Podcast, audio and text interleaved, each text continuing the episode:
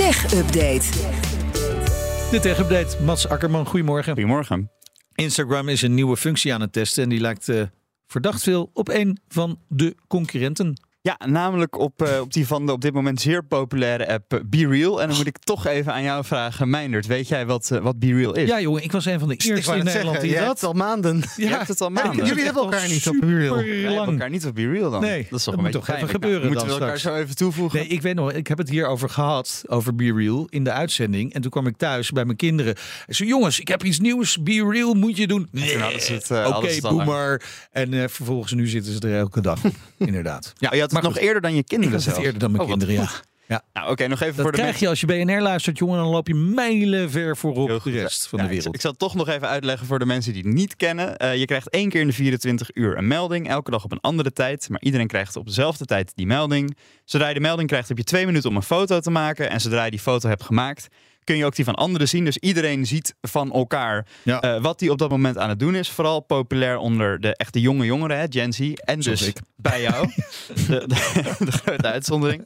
Eh, en Instagram is nu bezig met een nieuwe functie genaamd Candid Challenges. En eh, de op dit moment nog niet beschikbare functie die werd ontdekt door Alessandro Paluzzi. Dat is een appontwikkelaar die erom bekend staat dat hij dit soort updates altijd vroeg ontdekt.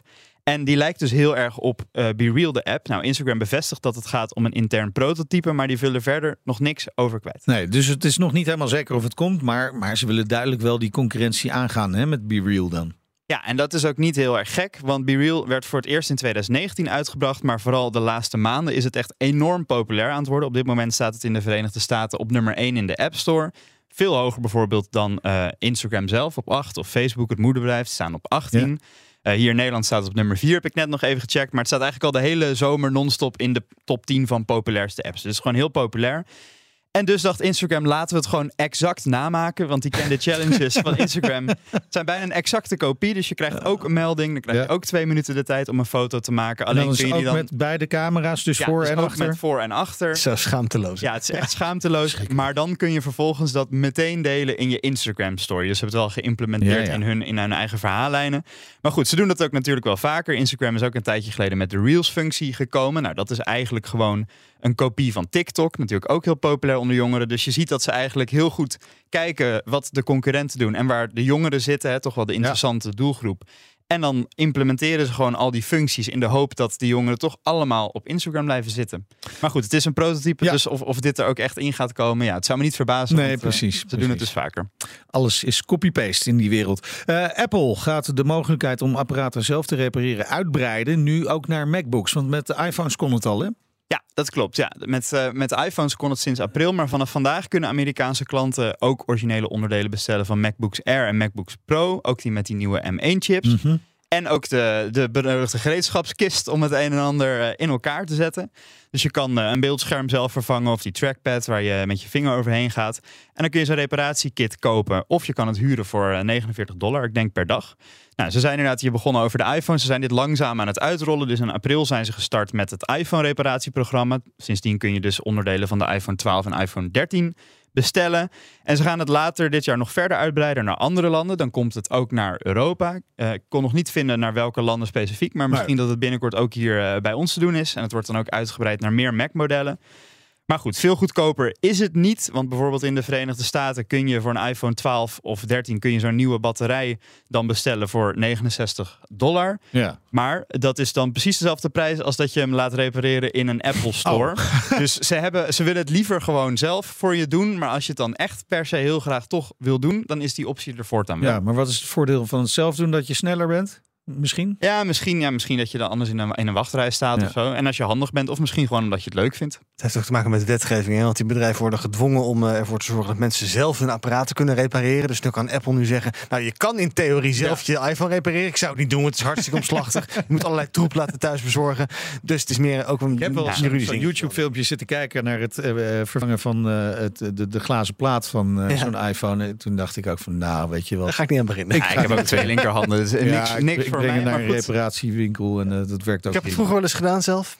Niet Echt? doen. Ja, het is een gezeikje. Nee, En- succesvol? En, en, ja, op zich wel, maar dan ja, daarna het schermpje werkt toch niet helemaal. En dit Ja, apparaat weet ook dat je met een of ander nepschermpje werkt en niet aan beginnen. Nou, dan nog even dit.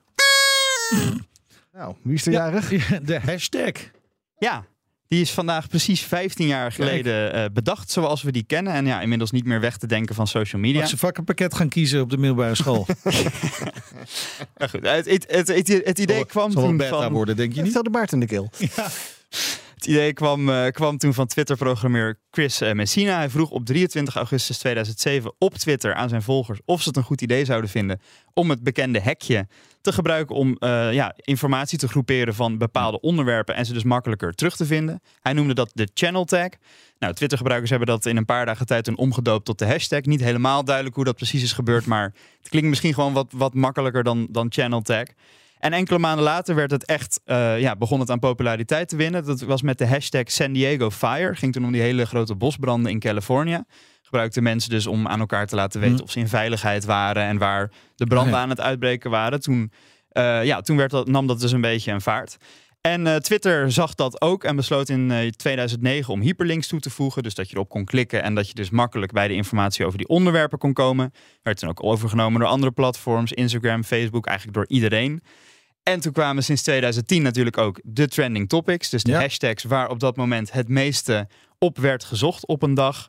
Nou, je ziet dat ze ook allemaal maatschappelijke functies uh, nu hebben. Dus de, de Black Lives Matter kreeg de hashtag BLM, de MeToo-beweging. Uh, we hadden zelf afgelopen najaar nog de hashtag onverdeeld open van Mona Keizer, die het corona-toegangsbewijs weg wilde. Dus ze zijn 15 jaar oud, maar ja, nog zeker niet gedateerd, want ze worden nog steeds heel veel gebruikt. Ja, ja, nou ja, en, en het tekentje zelf is nog veel ouder, hè? Want dat stond vroeger al op de bakkelieten telefoons. Ja, ja, eh, sluit dus, af eh, met een hekje. Ja, precies. Dankjewel, eh hekje tegen redacteur Mats Akkerman. Oftewel, hashtag Mats Akkerman. De BNR Tech Update wordt mede mogelijk gemaakt door Lenklen. Lenklen. Betrokken expertise, gedreven resultaat.